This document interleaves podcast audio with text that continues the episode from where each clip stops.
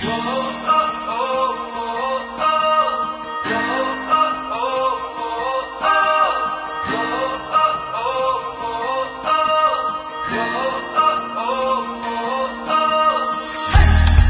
pemirsa Fresh Juice di mana pun Anda berada Kita berjumpa kembali dalam Fresh Juice hari ini Edisi Jumat 7 Februari 2020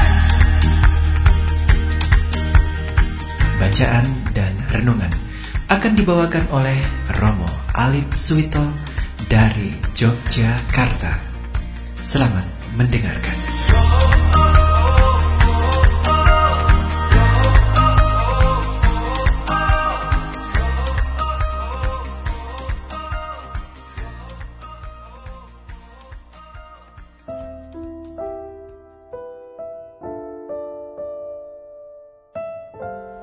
Selamat pagi, shalom, salam sejahtera dan berkah dalam.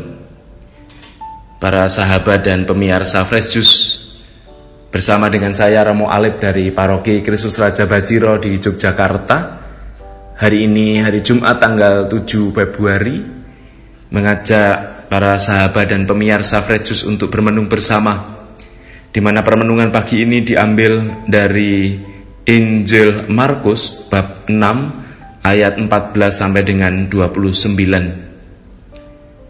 Kini mari kita hening sejenak, kita mohon berkat dan rahmat supaya kita dikaruniai inspirasi-inspirasi bagi hidup kita. Dalam nama Bapa dan Putra dan Roh Kudus. Amin. Allah sumber kekuatan semua orang kudus, Engkau telah memanggil kami menjadi murid-muridmu untuk kekudusan. Kami mohon semoga berkat doa dan permohonan yang kami upayakan hari demi hari, iman kami semakin kau teguhkan, dan kami mampu menjadi berkat bagi sesama. Demi Kristus Tuhan dan pengantara kami. Amin. Tuhan bersamamu dan bersama rohmu Inilah Injil Yesus Kristus menurut Markus. Dimuliakanlah Tuhan.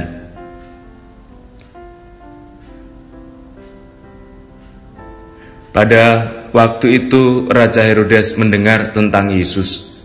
Sebab namanya memang sudah terkenal dan orang mengatakan Yohanes Pembaptis sudah bangkit dari antara orang mati dan itulah sebabnya kuasa-kuasa itu bekerja di dalam dia. Yang lain mengatakan dia itu Elia. Yang lain lagi mengatakan dia itu seorang nabi sama seperti nabi yang terdahulu. Waktu Herodes mendengar hal itu, ia berkata, "Bukan, dia itu Yohanes yang sudah kupenggal kepalanya dan kini bangkit lagi." Memang Herodeslah yang menyuruh orang menangkap Yohanes dan membelenggunya di dalam penjara berhubung dengan peristiwa Herodias, istri Filipus saudaranya, karena Herodes telah mengambilnya sebagai istri. Karena Yohanes pernah menegur Herodes, tidak halal engkau mengambil istri saudaramu. Karena kata-kata itu Herodias menaruh dendam pada Yohanes dan bermaksud membunuh dia.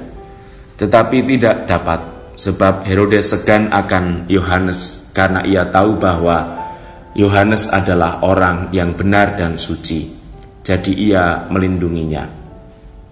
Tetapi setiap kali mendengar Yohanes, hati Herodes selalu terombang-ambing. Namun ia merasa senang juga mendengarkan dia. Akhirnya tiba juga kesempatan yang baik bagi Herodias ketika Herodes pada hari ulang tahunnya mengadakan perjamuan untuk para pembesar, para perwira dan orang-orang terkemuka di Galilea pada waktu itu putri Herodias tampil lalu menari dan ia menyukakan hati Herodes serta tamu-tamunya. Maka raja berkata kepada gadis itu, Mintalah daripadaku apa saja yang kau ingini, maka akan kuberikan kepadamu.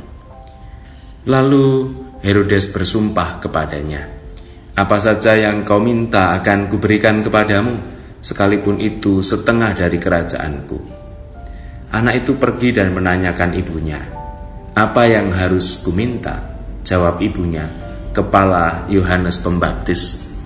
Maka cepat-cepat ia pergi kepada raja dan meminta, Aku mau supaya sekarang juga engkau berikan kepadaku kepala Yohanes Pembaptis dalam sebuah talam. Maka sangat sedihlah hati raja, tetapi karena sumpahnya dan karena segan terhadap tamu-tamunya, ia tidak mau menolaknya. Raja segera menyuruh seorang pengawal dengan perintah supaya mengambil kepala Yohanes. Orang itu pergi dan memenggal kepala Yohanes di penjara.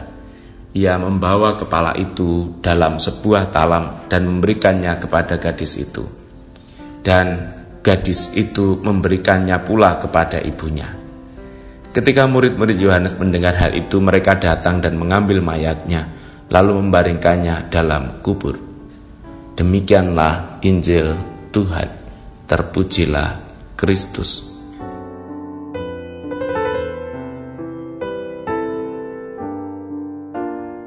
Saudara-saudari, sahabat-sahabat dan para pemirsa Fresh Juice yang berbahagia.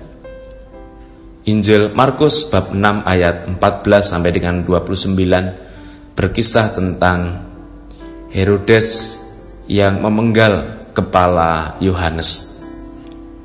Hal ini menjadi tanda bahwa kita diajak untuk belajar dari pribadi Yohanes yang senantiasa berkata jujur, senantiasa mendengarkan suara hati, dan senantiasa memberi hidup yang terbaik untuk Tuhan.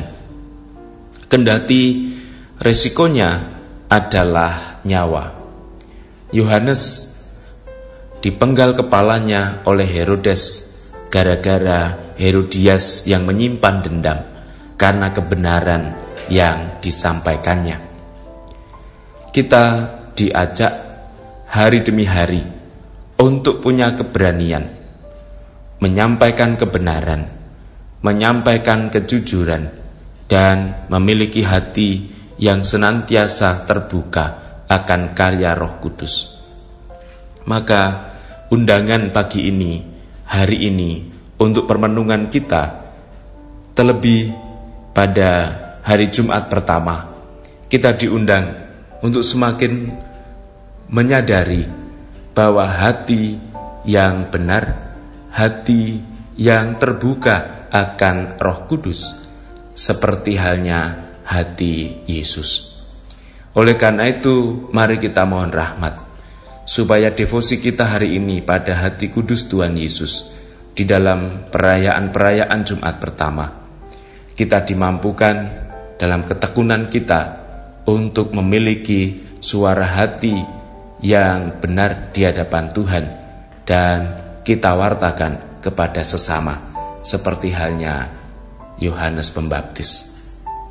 Maka kini kita mohon berkat dan rahmat supaya hari ini hati kita dibersihkannya dan kebenaran terwartakan kepada sesama. Allah Bapa yang baik kami bersyukur atas Yohanes Pembaptis yang kau anugerahkan kepada kami menjadi pribadi yang memberi keteladanan untuk hati dan kemurnian. Semoga hati kami hari demi hari senantiasa mewartakan kebenaranmu, mewartakan kemurnian akan hidup ini, dan juga mewartakan kasihmu demi Kristus Tuhan dan pengantara kami. Amin. Tuhan bersamamu dan bersama rohmu. Semoga keluarga mereka yang kita doakan dan permenungan kita hari ini, hidup kita hari ini diberkati Allah yang Maha Kuasa, Bapa dan Putera dan Roh Kudus. Amin. Saudara-saudari, sahabat-sahabatku dan pemirsa Fresh Juice yang berbahagia, Selamat beraktivitas dan berkah dalam.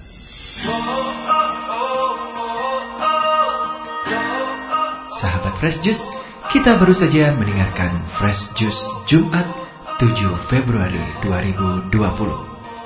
Segenap tim Fresh Juice mengucapkan terima kasih kepada Romo Alip Suito untuk renungannya pada hari ini. Sampai berjumpa kembali dalam Fresh Juice edisi selanjutnya. Salam Fresh Juice.